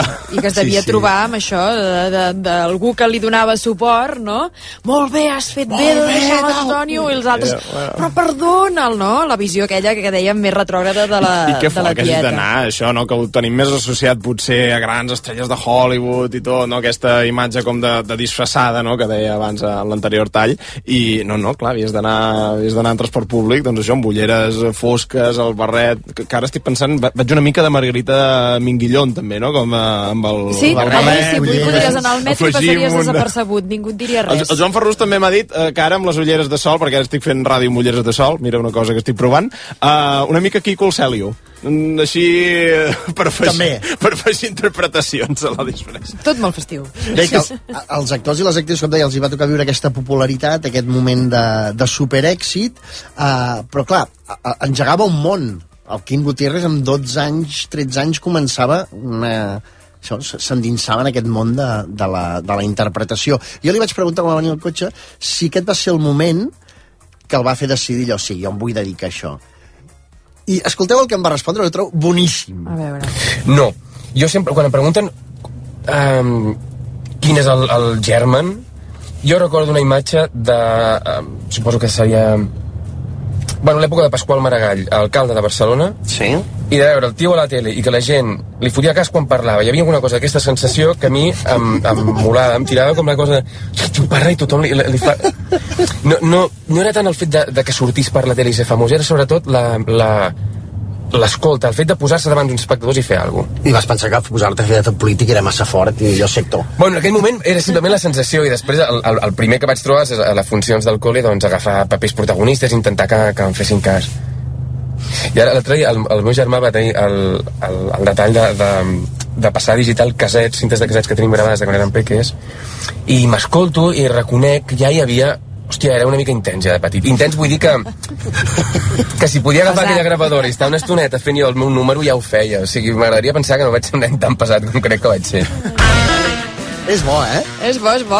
No? M'agrada bo, molt La aquesta... inspiració, també. I, I aquesta sensació de dir, aviam, aquest senyor quan parla les, tothom l'escolta i jo vull que em passi això, no?, també, d'alguna manera. És una, bona, una bona Ah, que- tècnica. Hagués estat curiós que hagués acabat sent polític. Bé, potser ho acaba sent, Quim Gutiérrez. No? Sí. T'imagines ara un gir en la seva carrera i no, no, escolta'm, ara, ara ho farem de veritat. Coses més estranyes s'han vist. Sí, i tant, i tant. Maria, parlaves de l'audiència abans. Sí. A veure, una mitjana de 750.000 espectadors, que és una barbaritat. Mm. Que és una barbaritat. Però hi ha un moment que ho va patar moltíssim. És aquest moment. I ara ens toca dir-nos adéu. Sí. Estàs una mica trist. No ho puc evitar. Hi ha moltes coses que ens uneixen. Els fills. I no només els fills. Moltes hores viscudes junts. Massa hores. Bones i dolentes. No et negaré que jo també sento una mica de melangia. Potser perquè aquesta vegada sé que és definitiva. Quin moment era aquest? Era el final? L'últim minut de l'últim capítol de Poble Nou. L'Antonio i la Rosa al mig de la Rambla del Poble Nou, que marxen, se separen definitivament, i un se'n va per una banda i l'altre per l'altra. I aquest minut d'or... Un milió i mig de persones Un el van milió i veure. mig de- un de catalans de persones arrapats van a la veure televisió. aquest últim capítol del, del Poble és, és Nou. tota la gent que hi havia a la, a la B baixa, no? a la manifestació, mirant Poble Nou, eh? amb Me'n una pantalla recordo gegant. que aquesta sèrie va triomfar tant que, que després el- la van acabar fent Antena 3, eh, li van canviar el títol i li van posar Los Mejores Años. I no va anar gaire bé, em sembla. Mm, No va anar gaire bé, però la meva germana la confonien amb la Júlia i una senyora li va dir ¿Te pareces a la Julia de los mejores años? Bueno, s'ho va creure, es pensava que era la Julia de los mejores años, no? No, senyora, no. M'ha agradat la imitació de la senyora. Sí, que, que a t'ha Montserrat sortit. va ser, això. Ah, mira, Sí. mira, està, està bé. Està bé. Abans, per cert, que deia que el gran personatge jo crec que és la Rosa, eh, no només seguint la sèrie, l'Antonio també tenia Mhm. Molta, molta potència, sinó perquè eh, va créixer el personatge fins al punt que en van fer una seqüela en tres parts. Eh? Ui, això no ho recordava. Sí, després van fer, això com deia, una seqüela, es deia Rosa, Rosa punt i a part, i Rosa a la lluita. No? Per tant, el personatge va tenir mm. aquesta, aquesta potència, una sèrie que passava a Manresa, que si no ho recordo malament era la Rosa, la història, la vida de la Rosa abans d'anar a, Clar, però Poble de- deslligada de l'Antonio, sí. no? Vull dir, una figura com centrada, vaja, centrada en ella, no? El personatge. Clar, que deu ser difícil, no ho sé, la Rosa, jo recordo com explicava també eh, això, no? Haver de tornar a interpretar la Rosa després de Poble Nou. veure que hi ha molt suquillo per interpretar uh, l'evolució de la senyora com a dona independent i com a dona ja emancipada. Vull dir, és, és un al·licient brutal perquè vull dir, un dels regals que va ser va ser el personatge eh, que el Benet va fer amb la Rosa. Vull dir que, sí. que per mi va ser un regal interpretatiu mm, brutal perquè poques vegades he tingut ocasió d'un personatge que sigui tan evolutiu en tan poc temps. Boníssim, clar. Sí, sí, un regal de personatge per la Margarida i un regal de sèrie, que per cert, eh, com va començar això? Sí, ho Eh, deies, estem no? al Una mica estem també al que 94. ven, veníem de veïns, Veníem no? de veïns, de, de gent del barri, barri. i llavors TV3 es planteja de fer una, una sèrie. Hi ha un, hi ha un experiment previ, uh, no sé si recordeu un programa que es deia La vida en un xip, sí, del Joaquim Puyal. Maria Puyal, doncs abans feien una cosa que es deia La Granja, Mhm. en el qual que, que passava en una granja, i era com una minissèrie molt curta, en la qual es plantejaven els temes que després es parlaven al programa. Hi havia un personatge mític, que era un mercader, que interpretava el Boris Ruiz. Sí, ara t'anava a dir, em sortia Boris Izaguirre. Sí. Doncs bé, a partir d'aquí Ruiz. TV3 es planteja de fer la producció pròpia i no sabien si, si tindria la capacitat de poder eh, no arrencar una sèrie, sinó poder-la mantenir cada dia, cada dia, cada I dia, agafar una producció cada dia. I des de llavors sèrie cada tarda a TV3 de producció pròpia. Que a mi m'heu de Sense deixar, parar. sisplau, que escoltem... He fet, he fet un recull de sintonies, Home. a mi que em va la Home. música, uh, de totes aquestes sèries de TV3, sèries de tarda. Podem tornar a sentir la de Poble Nou, primer de tot. Poble Nou, any 94. Que ja és any 94, 95, i llavors la sèrie que la substitueix, la sèrie que continua en aquestes tardes és... Home, i tant. Secrets de família, sí. això és l'any No 95. m'agrada tant. No et va agradar tant, però tornava a haver-hi aquest piano, eh? Us heu fixat? Sí, sí. Fixeu-vos que, que hi ha bastant piano en aquestes sintonies. Després va venir... Ara, ara, ara, ara. Farem màquines. Això ja... Nissaga de poder. Albert Guinovart, eh, compositor d'aquesta magnífica sintonia, Nissaga de Què poder. va durar, Nissaga? Del 96 al 98. I després vindria... Sabadell. Oh. Estava ubicada a Sabadell. Ah, Jo, veus, per exemple, aquesta sintonia d'ombres. no, no la tinc... Sí, jo sí, jo sí. Laberint d'ombres, moltíssim, moltíssim. Laberint d'ombres del 98 al Clar, 2000. duraven poc en aquell moment, eh? No duraven sí, tant. Sí, però ara Sí. anem a la que va durar, recordeu allò de capítol eh, d- 2584. El cor de la ciutat. Magnífica, de l'any 2000 al 2009. Sigui, va, va durar això 9, 9 anys. I també de l'Albert Guinovart, eh? Perquè es, es, no, es noten molt les del Guinovart, trobo, que té, té aquesta, aquesta cosa tan característica. Després va venir... Aquí jo ja em vaig desenganxar. Sí, home, la Riera, sí. no? Sí, però ja, ja no... Riera. No, la Riera. Molt llarga, també. Del Què va durar la, la Riera? Del 2010 al 2017. I no tenim la percepció de que va durar tantes... Déu-n'hi-do. Sí, sí, també déu nhi eh? déu nhi I des d'aleshores, des del 2017 fins ara...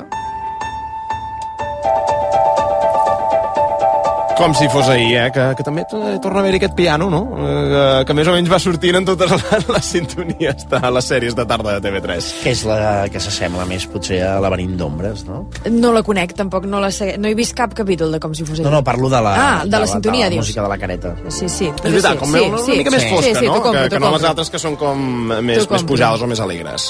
Avui que hem repassat de Poble Nou, aquesta, la primera sèrie, el primer col·labrot dels migdies de producció pròpia de, de TV3. Eloi, la setmana que ve fa Reykjavik. Perfecte, sí, fa il·lusió. Torna. No, no és una sèrie, és Reykjavik. Exacte. És, perquè venint de Poble Nou a Reykjavik Sí, no és. Lo de les temperatures de l'Eloi. T'ho deixarem, Ai, de deixarem fer, t'ho deixarem fer. Gràcies, Que vagi Eloi. bé, bon cap de setmana. RAC1 Saps que a les fonts de Montjuïc hi viu un cuc immortal i que els arbres poden tenir embòlies? A la Bienal Ciutat i Ciència descobriràs aquestes i moltes altres curiositats sobre la ciència. Del 21 al 26 de febrer trobaràs un munt d'activitats gratuïtes amb aforament limitat. Consulta'n la programació al web bienalciutaticiencia.barcelona. Ajuntament de Barcelona. Moure'ns. Quan hem deixat de fer-ho? La tecnologia serveix per no parar mai de trobar nous camins. Descobreix com de lluny et pot portar aprofitant que tornen els 10 dies Kia del 9 al 20 de febrer. Visita'ns a la xarxa Kia de la província de Barcelona. Kia. Movement that inspires. Dijous 23 de febrer al Palau de la Música Catalana gaudeix d'una vetllada de sinfonisme amb aromes de l'est amb l'Orquestra Simfònica d'Anvers i Pablo Fernández sota la direcció de Lim Chan. amb el popular ballet Romeu i Julieta de Prokofiev, en versió concert i concert per a violoncel número 1 de Shostakovich. Entrades a palaumusica.cat Sí? Ei, Jordi, fa dies que no surts de galeries. Vols que anem a fer un cafè? Uf, no ho sé, és que m'agafes en plenes segones rebaixes i estic molt enfeinat.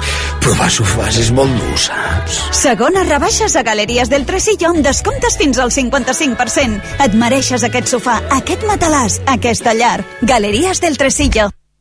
Des de 1959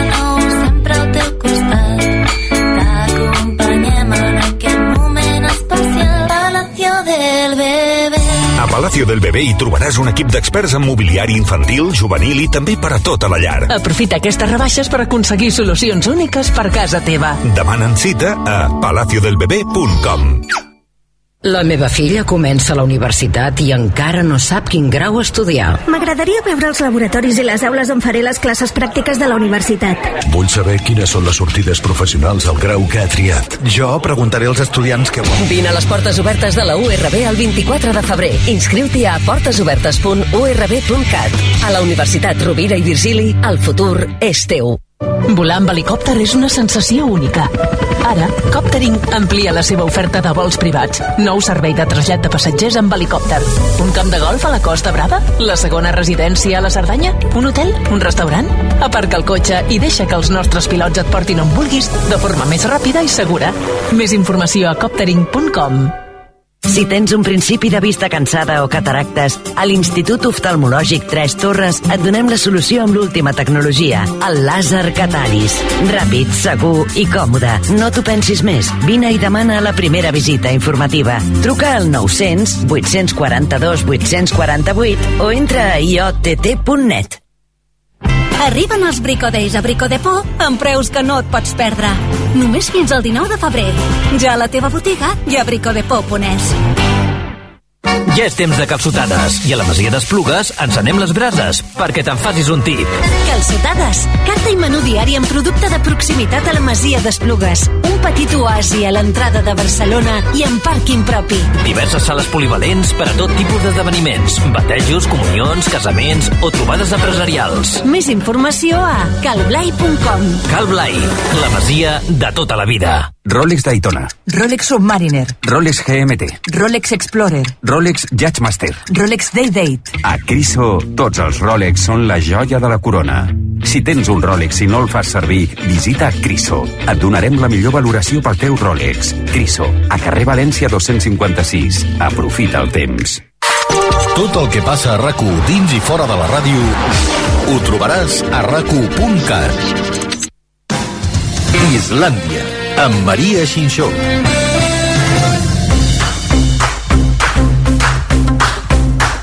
I aquest últim quart d'hora d'Islàndia um, l'acabarem d'alguna manera um, fent un homenatge a la ràdio, que és com vam començar aquesta setmana amb el Dia Mundial de la Ràdio, i tu has dit, Marc, no em vaig tenir prou, mm, tinc encara ganes d'acabar-li de posar el llacet a, a aquesta setmana radiofònica, Mhm. i t'has proposat un altre repte musical. Sí, perquè crec que això, arran del Dia Mundial de la Ràdio, hem escoltat moltes cançons no, que parlen de la ràdio. N'hi ha, ha un bon grapat que jo crec que sempre ens venen al cap, com aquesta.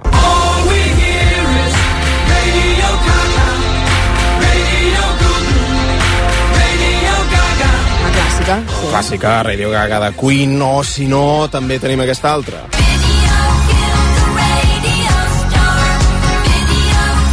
Les cançons més evidents. Més seria. evidents per parlar de la ràdio. Cançons que més porten la paraula ràdio al títol, però jo volia anar un pas més enllà. Que una cançó soni per una emissora de ràdio, passa cada dia, està passant ara mateix, però que una emissora de ràdio soni en una cançó, doncs no és tan habitual. Això és el que m'he proposat, eh? Cançons on hi sona una ràdio, alguna emissora, algun fragment, algú intentant sintonitzar-la. No em sembla senzill, eh? No és pas senzill, no és allò a cop de, de Google que te'n surtin eh, 25, ni, ni molt menys. S'ha hagut de fer una mica de- d'espeleologia musical. Per exemple, començo amb una cançó que, que, que segur que coneixeu, o com a mínim us sona, eh? Sentint la tornada de Wish You Were Here de Pink Floyd.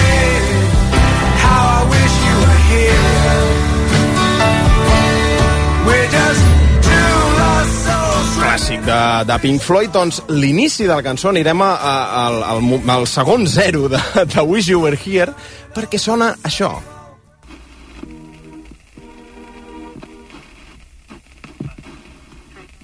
and discipline remains mercifully. And um, now would you, Derek, this star nonsense? Yeah. No, it is it. I'm sure of it. Algú sintonitzant, eh? La ràdio, primer hi ha conversa, un fragment de música clàssica, fins que es troba aquesta guitarra, no?, que, que li agrada, s'hi queda, que està sonant a la ràdio, però el que em sembla més interessant d'aquesta cançó és que després sentim algú, un guitarrista, que es posa a tocar un solo acompanyant la ràdio, que continua sonant, sonant en segon terme. Ara.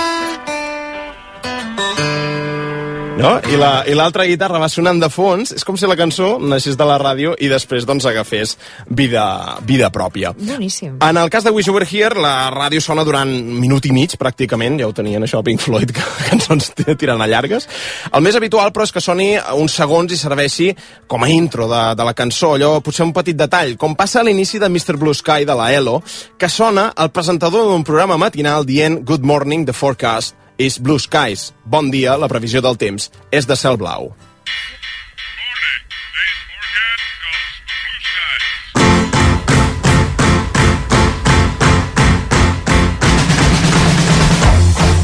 La cançó. I aquí ja arrenca la, la cançó. De fet, d'això va, eh? De, del cel blau, no de parlar del temps, de, de, del bon humor. Sí que té tot el sentit del món començar amb aquesta previsió de, del temps, que també, de la fe les flores azules, eh, fan servir una, una mena de butlletí del temps, informació del temps, per introduir la cançó La Primavera. Buenos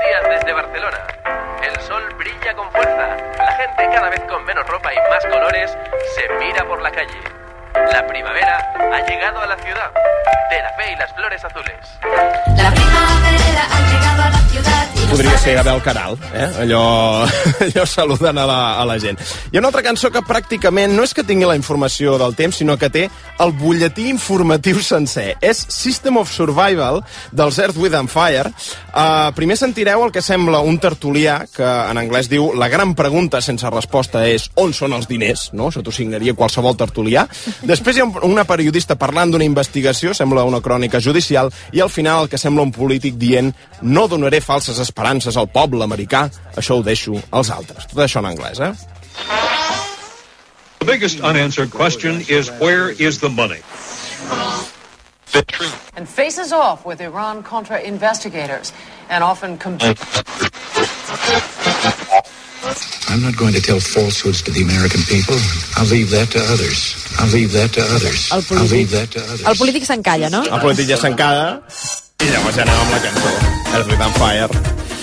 I tots aquests sinto, sintonitzadors. Tertúlia crònica, un tall de veu, una connexió en directe en un discurs, coses que trobaríem a qualsevol matinal, i un altre element que hi ha a qualsevol emissora són trucades d'oients, no? Eh, El que s'ha fet tota la vida, sobretot això en ràdio musical, trucar per demanar cançons. Doncs això és el que passa a una cançó titulada precisament, Radio, del raper Easy E. Sentireu el locutor que fa la litúrgia habitual de preguntar d'on truca l'oient, quina cançó demana, i l'oient li demana doncs, la, la cançó que està a punt de començar.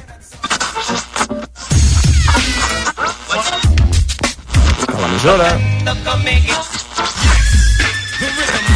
How hot is hot?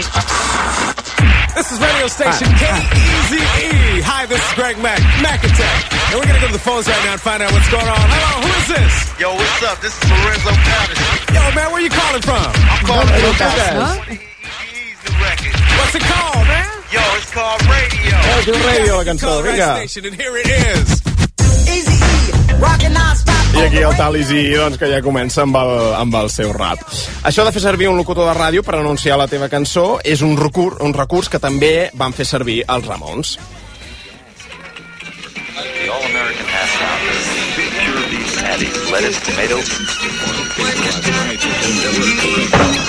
This is rock and roll radio. Come on, let's rock and roll with the Ramones. I aquí ja comença la, la cançó. De fet, eh, clar, és això, una altra cançó on se sent una emissora de ràdio i on es fa referència a la ràdio, a la lletra, no? Ara sentíem també Radio Daisy, doncs en aquesta també coherència, no? Em sembla, em sembla coherent posar-ho. Rock and Roll Radio. Al final de la cançó també et diuen que no canvis d'emissora, que continuïs a Rock and Roll Radio. This is rock and roll radio. Stay tuned for more rock and roll. Stay tuned, eh? Mantenta a la- a l'emissora per sentir més, més rock and roll. Canviem de grup perquè hi ha menció d'honor pels Queens of the Stone Age. Uh, el 2002 van treure Songs for the Deaf, cançons per sords, un disc on hi ha molta ràdio sonant tota l'estona. La primera cançó, que es diu You Think I'm Worth a Dollar but I Feel Like a Millionaire, Fàcil de dir, aquesta fàcil cançó. de dir, sí. de recordar, sentirem moltes coses, eh? In- Intentarem nas- anar-les situant mentre anem sentint-les. Això és un cotxe, les, Sí. sí. les claus del contacte, Entres, val. entres, arranques... Eh, Ui, no, encara no has arrencat. He tancat la porta. la porta. Anem buscant aquí una emissora. Una mica de música, però no m'acaba d'agradar. A veure, què trobem? Eh, Clone Radio, eh? la- L'emissora, el nom Aquesta de li l'emissora. agrada. Mhm. Eh, aquí el locutor, que es diu Kim Casper. Com esteu? Com va el camí a la feina amb cotxe? Vinga, necessito allò... songs For the deaf. You can't even hear it. Posarem ara Songs for the Deaf, no? I presenta aquest disc, aquesta primera cançó, i clar, tornem a sentir la bateria com amb aquest efecte de, de ràdio, no? Semblant al que feia Pink Floyd, la guitarra, i de seguida uh, petarà la, la cançó.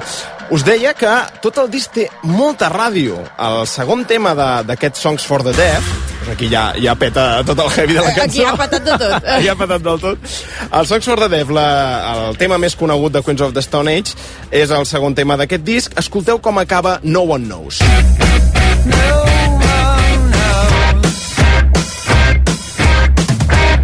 Ustedes que son padres de familia. Buenas tardes, señoras y señoritas. Aquí está el DJ Héctor Bonifacio Echeverría Cervantes de la Cruz Arroyo Rojas.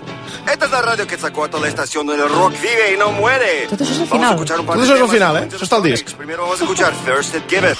Qué música impresionante, temible y verdaderamente ahora. Van a ver, a ver, a ver, aquí va, aquí va, aquí va, aquí va. Ja he dit el títol de la cançó, que és First It Give It. I cada dia link. I aquesta ja és la següent cançó. O sigui, és enllaç total és enllaç amb la de ràdio ràdio. tota l'estona durant tot aquest disc. És boníssim, recupereu-lo. Un altre grup que ha fet servir la ràdio per introduir una cançó són els Green Day a Is Jesus Nowhere.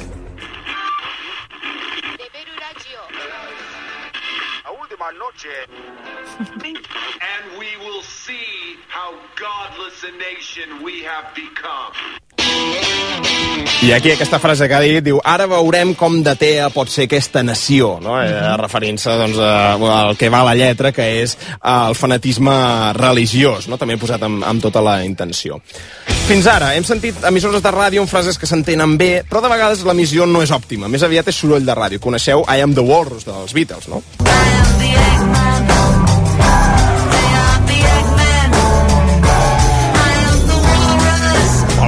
tornada a la part coneguda. Al final de la cançó, diguem-ne que eh, tot s'embruta una mica més. Coble i tot, eh?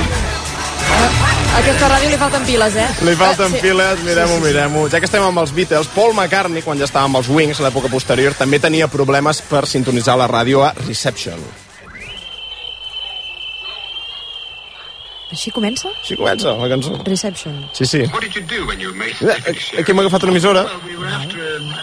Was uh, apparently had been doing something. Música clàssica. I aquí hi ha la cançó.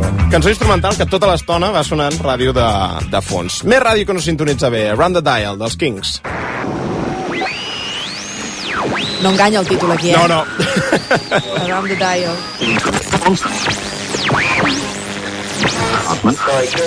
Veure, a veure, si ho trobem.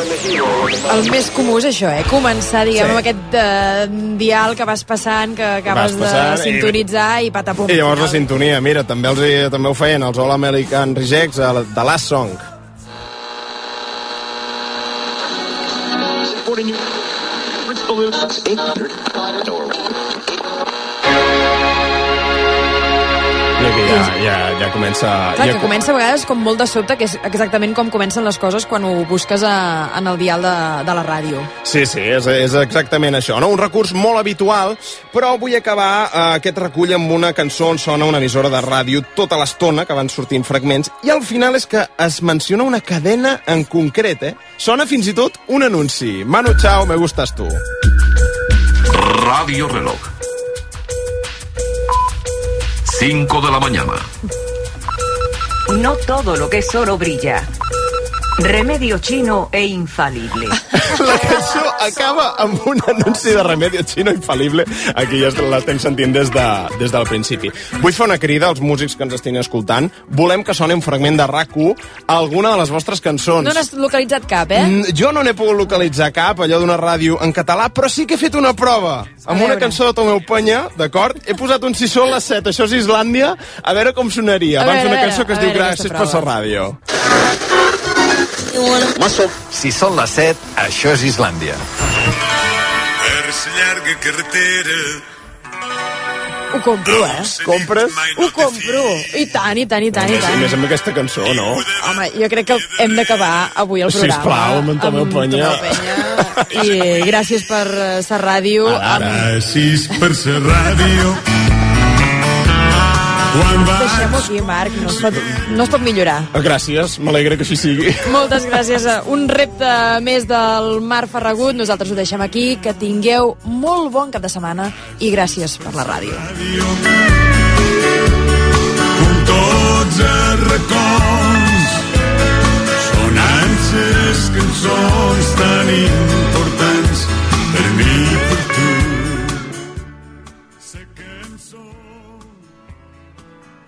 Compra al supermercat Bon Preu Esclat Online amb la subscripció B-Pass i oblida't dels costos d'entrega. Subscriu-te ara a B-Pass des de només 5 amb 99 euros al mes i comença a estalviar. Escull la modalitat de subscripció B-Pass que millor s'adapti a tu i gaudeix del cost del servei gratuït. A més, també gaudiràs d'un cèntim addicional de descompte per litre a les benzineres Esclat Oil. Febrer és el mes blanc i a Montse Interiors apliquem un descompte de fins al 60%. Consulta condicions. Articles essencials, aquells que no poden faltar a casa teva. Ara és el millor moment. Conforters amb borreguet abans des de 109 amb 95 euros, ara des de 35 amb 95. I Play Geo doble cara abans des de 79 amb 95 euros, ara des de 19 amb 95. Vine al mes blanc de Montse Interiors, a les nostres 27 botigues i a montseinteriors.com. I recorda, fins al 60% de descompte, només fins a final de mes o exaurir existències. És igual de quin color ets o quina és la teva bandera. Si estàs a l'esquerra o a la dreta, si creus o no creus. Ara pots confessar-me la teva condició a 8TV.